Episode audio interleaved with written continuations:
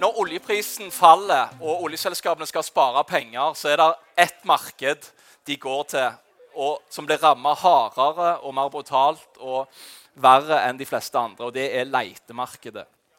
Men der det er begrensninger, der er det òg muligheter. Og gjesten vi skal ha på scenen i dag, så muligheter i et marked som stupte, og vi har utnytta det på beste vis. Ta vel imot Sissel Lindsø fra Explo Crowd.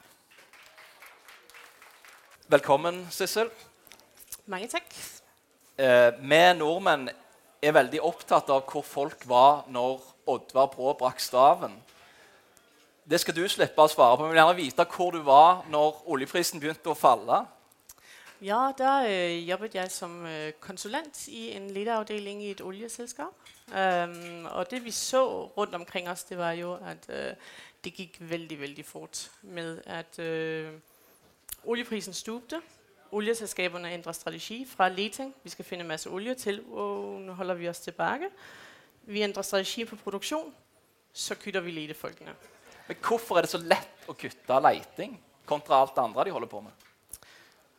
Det er øh, videnskabsfolk, som sitter og genererer idéer med, hvor skal vi lede. Hvis vi slutter med at lede, så trænger vi ikke de folkene længere. Og det svarer lidt til, hvis øh, Apple de sparkede halvdelen af deres Research and Development Department. Men, eh, men det er jo òg det at det er raske kostnader å ta. Altså det, det er veldig enkelt å, It's å bare barbere. Kan, du- kan du si litt hvordan du opplevde altså, Du kjenner jo geologmiljøet. og dette Er litt sånn, er det ikke litt lukka, dette miljøet? For, forklar litt geologmiljøet, hvordan det funker. Alle kender hverandre, så øh, jeg kan se, at der er ganske få ledefolk her blandt øh, publikum. Så jeg skal geologer. forsøge at, øh, at øh, være lidt brobygger øh, Ja. her. Ja. Um, så geologer, vi forsøger jo at se på data, på striber og strækker, og så forsøger vi at finde noget, som ingen kan se. Um, det kræver ganske mye øh, kreativitet. Det kræver, at man forestiller sig, hvordan Norge lå sør for ekvator for nogle hundrede millioner år siden. Der var dinosaurer, der var sump. Så pludselig under Johan Sverdrup, så var Johan Sverdrup en ø, som lå midt i en ørken, og der var lidt Death Valley øh, forhold. Så skal vi forestille os, hvordan øh, Johan Sverdrup blev oversvømmet, og der pludselig blev oliegenererende øh, sten. Så alt den her øh, fantasi og kreativitet, det er det, vi gør. Vi forsøger, vi forsøger at finde noget, som man ikke kan se. Og når vi så har flaks og finder noget med de brønde, som vi bruger, så skaber det jo job til alle dere, som er her i dag. Hvor- Hvordan opplevde du at dette miljøet ble ramma når oljeprisen falt? De første, som fik sparken, det var øh, de unge, øh, som havde et par års anciennitet, var kommet fra universitetet, et par års erfaring, og så øh, fik de sparken først. Man kyttede konsulenter, øh, men så skete der pludselig, da et stort selskab trak sig ud, besluttede at øh, forlade norsk sokkel, og pludselig så havde du nogle af landets flinkeste geologer. Og så tænkte jeg, eller der tænkte jeg, oh fuck, Ja. nu er ingen sikret. Hvordan pre, hvordan pre, altså dere, du kjenner jo mye geologer. Du går mye på konferanser med de treffer de, sånn som vi treffer hverandre her. Hva, hva, hvordan var stemningen? Kan du beskrive litt hvordan, hvordan det opplevdes? Um, mild bekymring, kraftig bekymring, lidt panik egentlig, fordi vi har jo været igennem alle de her nedgangsture, og hver eneste gang så har vi set, at vi har et kæmpe kompetencetab. De, som overlever de her kyt, de øh, står tilbage og skal ligesom øh, gøre jobben for alle de mennesker, som forsvandt. Og nu, jeg tror, at tallet der er på rundt cirka 40 procent, som, øh, som er yden for ledeafdelingerne. Der var mange ledeafdelinger, som gik fra 40-50 mand til 2-3 stykker, og så pludselig har alt det ansvar. Øhm, det, når man skifter strategi fra leting til produktion, så betyder det også, at man giver alle licenser fra sig, som man ikke trænger. Og det betyder, at når man ser på et kart over norsk sokkel nu, så før i 2013, der var der licenser overalt. Nu er det vældig fokuseret på producerende og eksisterende felt. Så øh, billedet, det har virkelig ændret sig i løbet af de sidste par årene. Ja, Men i dette markedet da, så ehm, så så du en del begrensninger, først og fremst. Hva, hva, var, det, hva var den største begrensningen du så? Hva, hva var konsekvensen av de kuttene som ble gjort? På kort og lang sikt. På kort sigt, så har man øh, en ændring i den måde, man jobber på. Der er færre folk til at løfte de samme opgaver. Øh, plus at pludselig så var der en hel masse licenser, som var tilgængelige. Så det åbnede op for nogle muligheder med, at der var mange selskaber, som kunne køre sådan en land grab. Øh, og det har så ændret aktørmarkedet fuldstændig. Der har også været masser af mergers and acquisitions, og det sætter alting på hold og stopper i to år, øh, mens de her de sker. Og så stopper det fuldstændig. Øh, nu er vi kommet til the crossing point øh, som vi har ventet på. For under hver eneste nedgang, der har været, så kytter vi for mange ressourcer, øh, og så trænger vi dem igen, fordi nu kommer vi formodentlig ind i en replace reserve panic. Øh, det sker ofte. Eller nu, må, nu må du ikke hoppe for langt frem, for nå, nå, må du ta, nå, nå, liksom, nå er vi på nærturen fortsatt. Du skal liksom male ut denne ja. nærturen litt lenger. Men, men um, hva, hva bak? Altså, har du alltid tenkt at du var en gründer, eller ble du pressa inn i, i gründer? Nej. Jeg skulle, nej, nej, jeg kommer fra sådan en øh, venstrefløjsfamilie, hvor øh, øh, det havde aldrig været tanken. Jeg, jeg havde aldrig tænkt, at jeg skulle være gründer. Ta, ta os gjennom hvorfor du da valgte å, å starte ditt eget selskab.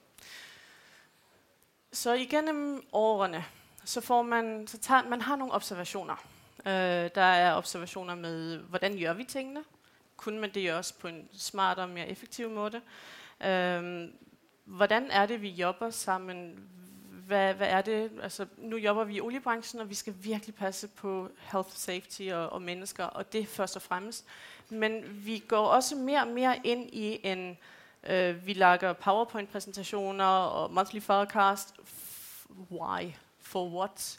Er det egentlig reelt værdiskabende? Så hvis man ser på, hvor stor en del af det selskab, som Dara er i nu, reelt er værdiskabende, i stedet for at de egentlig bare skaber en false sense of security. Det var en anden observation, øh, hvor jeg egentlig tror, at især i det skandinaviske marked, der har vi så mye kompetence, så mye selvdrift. Øh, så jeg har jobbet i Singapore og har været i kontakt med ganske mange kulturer. Og jeg tror virkelig på, at vi har et helt andet potentiale i Skandinavia, hvor vi er selvkørende. Vi har så mye potentiale, som vi faktisk ikke bruger, fordi vi kører efter nogle managementsystemer, som alle jo gør. Men hvad nu, hvis man tager et steg tilbage, og så siger, kunne vi gøre det her på en lidt smartere måde? Um, hva tid var det du bestemte deg for at nå, nå må jeg gjøre noe sjøl? Nå, nå, nå må jeg ta det fra ord til handling? Det var øh, da jeg fikk kniven for strupen ligesom ja. alle andre. Du blev det, ret og slett. fik sparken, eller vidste. Jeg fik heldigvis en melding fra øh, min, øh, min ledechef om, at øh, nu har du snart været konsulent i tre år. Your time is up. Ja, du må ud på løfting, er det ikke det, man kalder det? Yes. um, men det er jo der, hvor man bliver tvunget til at blive dyttet ud over kanten. Og det tror jeg bare, at vi kanskje i Norge har vi lidt for stærkt et sikkerhedsnet til, at vi tør at let go. Mm. Men der er jo ingen mere sikker plads at starte sit eget end i Norge. What can go wrong? Du har vældig lille risiko for at miste dit hus, ligesom man gør i mange andre pladser. Så jeg kunne godt tænke mig, at vi i Norge øh, har lidt mere mod til at prøve lidt mere. Mm. Så, men øh, jeg har jobbet sammen med en øh, mentor i gennem flere år, og hun sagde til mig, very powerful question, hun sagde til mig, alright, du er klar, hvad for en business vil du starte i morgen? Og svaret, på det. og svaret var? Svaret var, I had no idea. uh, så det var virkelig at gå efter the gut feeling. Hvad var det egentlig, som gjorde mig lykkelig? Mm. Uh, og jeg er geolog med et stort nørd uh, henover. Um, og det, som gør mig glad, det er uh, geologi, få lov til at gå i dybden med mit fag, mm. men det er også at se mennesker vokse.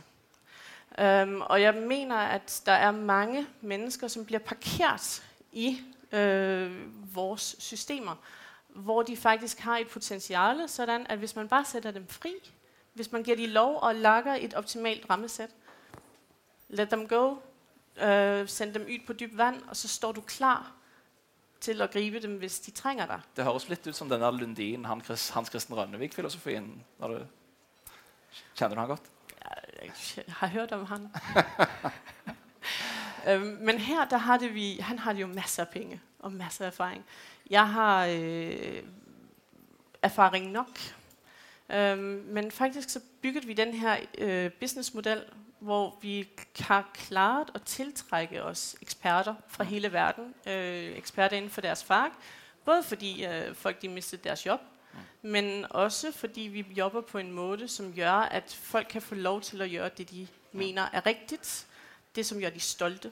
Og så skal jeg få lov å forklare litt hva det er Sissel har, eh, har eh, skapt for et selskap. For det, det hun egentlig har gjort, s- hvis jeg får lov, er at hun har på sett og vis skapt et, en egen leteavdeling utenfor et oljeselskap. Det, det tradisjonelle er jo at eh, oljeselskapet har en egen leieavdeling. Sissel har skapt en leieavdeling uten et oljeselskap. Og det tror jeg er nybrott. Jeg vet ikke om noen andre som gjør det. i hvert fall. Eh, utfordringen da er at du må jo, altså Et leieselskap eh, har jo tilliten De er jo ansatt av selskapet og har tilliten til det selskapet. Eh, Du må selge, du må ha enorm tillit hos kundene dine for å selge inn. For, for hva er det egentlig du eh, tilbyr de kundene? Eh, og det er oljeselskaper primært. Så det vi gør, det er egentlig, at vi går ret ind i kernekompetencen deres. Øh, det, som, som olieselskaberne øh, burde have tid til. Men der er så få mennesker til at løfte så store opgaver. Så der er mange, som egentlig bare får mm, anledning til at øh, skrabe overfladen i det, som egentlig bør gøres. Så det er jo en grov generalisering, for der er mange selskaber, som fremdeles får tid til at gøre den her job. Men fordi vi har mistet så mange flinke folk, så er det ligesom brændslukning efter brændslukning efter brændslukning, og man går fra lille projekt til lille projekt til lille projekt. Så det vi egentlig gør, det er, at vi har købt os tilgang til øh, den samme database, som øh, olieselskaberne har, og så bygger vi alting op helt fra bunden. Så dokumenterer vi alt, sådan at vi kan gå ind og være, det åbner op for nye businessmodeller, vi kan gå ind og være advisors for farming-muligheder, men vi går faktisk ind og kartlægger, hvor kan der findes olie og gas. Øhm, Går dere inn i lisenser som selskapene eier, eller går dere inn i lisenser som er frie i markedet? Så øhm, der vil altid være en omsætning af licenser, og øh, det som har været erfaringen over flere år, det er, at nogle prospekter, det var tip-top, men på grund af en politisk beslutning, øh, en strategisk beslutning, der er en ledelseschef, som ikke liker den type prospekter. Der er nogen, som har vanskeligt ved at forklare for os geologer, vi skal være sælgere. Mm. Vi skal sælge koncepter og idéer, som man ikke kan se. Er det, det, det må være vanskelig. Du må være god selger. Åh, fy faren. Yes. Du er god sælger. jeg troede faktisk ikke det, men jeg har jo fået overtalt både investorer og 20 mand til at, at, blive med på projektet. Så, øh, og det, som er lidt interessant, det er, at vi faktisk bare startede med 2 millioner kroner i investments. Så med 2 millioner kroner i olieindustrien, det er absolut ingenting. Uh, men vi har klaret uh, det første år, der klarede vi at skabe fem faste arbejdspladser og betale op til 19 personer, svarende til fem, uh, fem fuldtidsstillinger. Um, og det gør man jo, fordi der er nogen, der mener, at der er behov for, uh, for det. Men det gik helt til helvede det, uh, det andet år. Men, men crowd, altså i dette crowd så, så er det jo det det kommer fra det samme crowdfunding. Kan du ikke forklare litt hva som er, hvordan det henger sammen? Yes. Så øhm, vi har jo kun 2 millioner kroner, og med dagens lønninger i Norge, så har man altså ikke øh, penge til at lønne særlig mange mennesker. Så det vi gør, det er, at vi går sammen, og så tager vi risikoen. Og så jobber vi sammen de her... Det første projekt, der var vi 16 mand, som jobbede intenst sammen øh, på tværs af landegrænser i, øh, i tre måneder. Og så deler vi ejerskabet. Det vil sige, hver gang vi sælger produkterne, så får de her mennesker øh, nogle hundredtusinder, kanskje mere. Men det betyder bare, at vi tager risikoen sammen, og så deler vi en upside.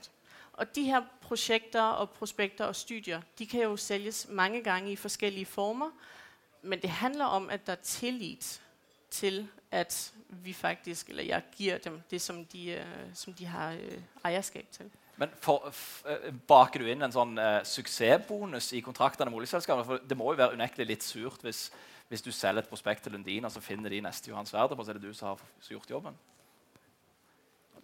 Jo, men jeg er ikke her for pengenes skyld. Jeg er her, fordi jeg elsker at gøre det, jeg gør. Og så håber jeg på, at vi kan bidrage til at skabe værdi på norsk sokkel, fordi der er, øh, når der er så få mennesker tilbage til at generere de gode idéer, så, øh, så trænger de faktisk aflastning. Og der kan vi bidrage. Vi kan bidrage både ind i teams, vi kan hjælpe ledechefer, men vi kan også hjælpe med øh, geologisk indsigt og seismikselskaber til, hvor skal de skyde deres seismik? Fordi de har jo også sparket alle de her folk desværre, eller mistet store, øh, store mængder kompetencer. Mm. Businessen har, uh, i hvert fall det som er offentlig i, uh, i Brønnøysund, gått uh, veldig bra. Har jeg sett. Uh, ja. ja, for nogen tænker jeg. Øh, der er ganske stor forskel på de, øh, de serviceselskaber, som... Så det vi ser, jeg, jeg tænkte på dig. På mig? Ja, på, på Exprocard. Når vores, vores fine tal? Ja. Ja, så vi klarede det det første år, der omsatte vi for 14 millioner. Ja. Øh, det andet år... Og bundlinjer på? Øh, var det 5 Fem millioner? 5 millioner. 5 millioner bundlinjer af 14 millioner omsætning. Applaus. det er nok ikke tilfældigt. Tusind tak for det. Men, uh, Men så sa, kan... du noget om, at, sa du noget om, at 18 havde blivet dårligere, var det det, du sa? Ja. og det har faktisk gået så, øh, så dårligt, så, øh, så uh, man snakker om i vores industri nu, at øh, der er guld og grønne skove, og alting er rostrødt. Men der er kun nogle selskaber, som ser den opgang. Fordi øh, leting, det er fremdeles ikke helt en dundrende succes endnu. Og 2018, der var der vældig begrænsede budgetter. Men der er jo mye, der er jo enormt med brønner planlagt. Inden, altså, um, utad så ser det ut som at der er høj aktivitet. Det er imponerende, hvad de reducerede elite teams har fået til. Mm, så det, det er spredt på, på få folk, dette her, altså? Ja. Hva tror du er årsaken til at det, det ikke, um, altså at det, det ikke går bedre? Men jeg tror, det kommer nu. Uh, så i september måned, der kom det her shift, at der var nogle salg. Øh, der var King Lear, som blev solgt. Og pludselig så kom det, som alle har ventet på, at det blev billigere at lede end at købe ja. felter. Øh, men så skal alle olieselskaberne tilbage og gå fra produktion til leting. Det kræver en ændring i strategi. Det handler om, at nu skal vi til sætter alting på hold, og så er vi kanskje klar til at have budgetter til at gøre det. Så der er nogle selskaber, som har vældig flaks, fordi de har været i en situation, hvor de har haft strategi om, at de skulle få til mye areal og mye aktivitet, de har fået licenser. Um, men der er også nogen, som, uh, som ikke har klar til at trykke på startknappen endnu. Eh, den politiske debatten, opplever du at den har eh, preget aktivitetsnivået innen leiting? For det, leiterefusjonen har jo fått kjørt seg ganske godt i, i media de siste månedene. Ja. Um, man kan faktisk uh, si at vi har vært heldige i denne nedtur, at vi ikke har vært ramt så slemt som vi kunne være. For der var mange internationale selskaber, som valgte at bore deres brønder i Norge i stedet for i udlandet. Øhm, men når politikerne igen og igen bringer op øhm, lederefusionsordningen, så sidder der nogle internationale selskaber og lytter, og det eneste, Norge har en, har en skatteprocent på 78 procent. Det er så højt, så det faktisk er ødelæggende for, øh, for business. Så den eneste måde, at vi kan være attraktive på, er ved at have stabile rammevilkår. Når politikerne går ud og snakker om at ændre på lederefusionsordningen, bare se på Danmark. Hvor mange selskaber er der egentlig i Danmark? Der har jo været en udskiftning, så jeg tror, der er to til tre. Og det er her, sikkert ubedre. Her der har vi 40 øh, olieselskaber. Mm. Og det er, fordi lederefusionsordningen det fordeler risiko på de store og de små. Så alle de her øh, private equity funds, som kommer ind med 5 milliarder, øh, 5 år til at levere øh, 25% return of investments, de kommer hertil, fordi det er den bedste og mest sikre plads at være. Og så lægger de de penge. De skaber jobs, de skaber aktivitet. Det kan vi godt lide. Og nogle gange så kommer der en Johan Sverdrup. Så jeg synes, det er vældig lyrt at bevare lederefusionsordningen, som den er. Men i mediebilledet, så er det utrolig vanskeligt at komme fra øh, oliebranchen og have en stemme. Hmm. Men eh, summa summarum så trenger vi vel et eh, ganske stort funn. Og vi vil veldig gjerne ha det i Barentshavet nå. Det er jo ditt spesialområde. Hva, hvordan vurderer du muligheten for, for å gjøre noe stort i, i nord? eh, for det trenger vi. Vi trænger det absolut. Øhm, der er mange muligheder, øh, men øhm, når man er i en nedgangstid, kan du forestille dig at være ledechef og give en anbefaling på en brønd, som koster kanskje en milliard kroner? High risk. Nu er priserne på brønde de er helt ned på 200 millioner. Men hvem tør tage en risiko på det? Hvem tør tage en risiko på at bore noget, som vi ikke kan se? Som kanskje virker, kanskje ikke virker.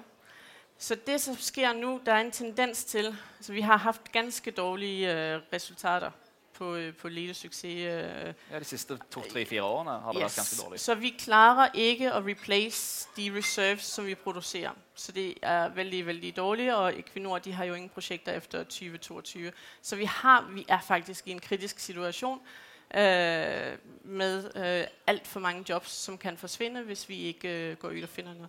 Men det, der kan være en tendens til nu, det er, at fordi det er så hvad kan man sige, farligt at være lederchef og tage de beslutninger, så du har ganske få chancer, så er der en tendens til øh, noget, der hedder DHI. Det hedder en Direct Hydrocarbon Indicator. Det er noget, vi kan se i seismikken. Men ofte så er det faktisk ikke en DHI, så er det noget helt andet. Men man bygger op en historie omkring noget, som man kan se.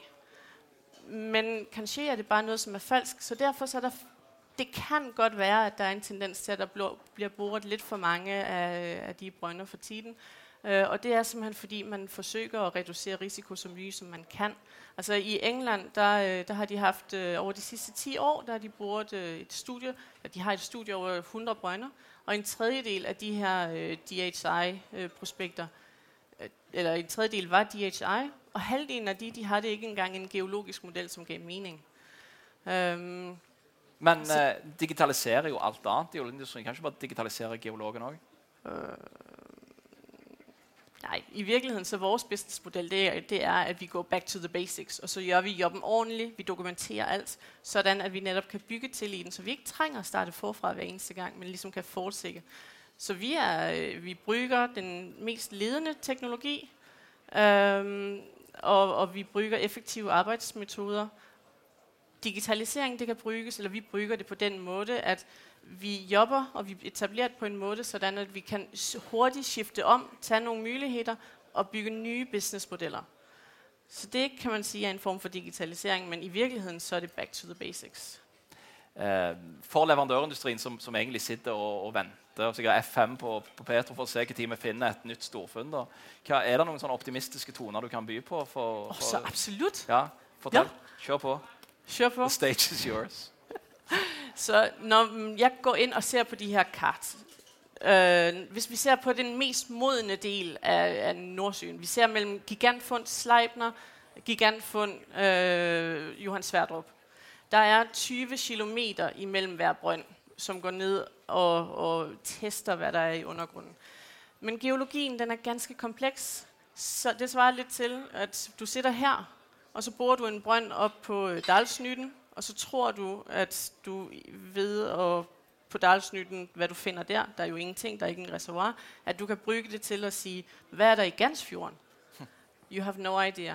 Så du har selv i de mest modne områder, så har du masser af, af muligheder, som ligger igen. Det er bare et spørgsmål om, hvordan, om man kan have en kloster. Altså discoveries bliver mindre og mindre. Men der er også en helt anden ting, det er, at vi har noget med, er det 15, 13, 1300 brønde på norsk sokkel. Man har mere end det dobbelte på UK's side. Når man tager grænsen og plotter alle de brønde, der er på norsk side, og på UK's side, så er der tæppebelagt med brønde på UK's side, mens på norsk side, der er det ligesom kun de mest lette brønde, som vi har boret så langt. Så jeg mener, der er mye mere, vi skal lære. Vi skal bruge mange brønde endnu, men vi bliver nødt til at have kostnaderne lave, sådan at vi kan bruge hundredvis af brønde mere. Veldig bra, Sissel. Jeg tror vi avslutter, Det er alltid greit å avslutte litt på en, på en høy. Så jeg, så jeg tror vi tar og, og, og avslutter. Tusen takk for at du kom og ville dele din historie og dine tanker om letevirksomheten på sokkelen. En applaus til Sissel Lindsø, Explocal.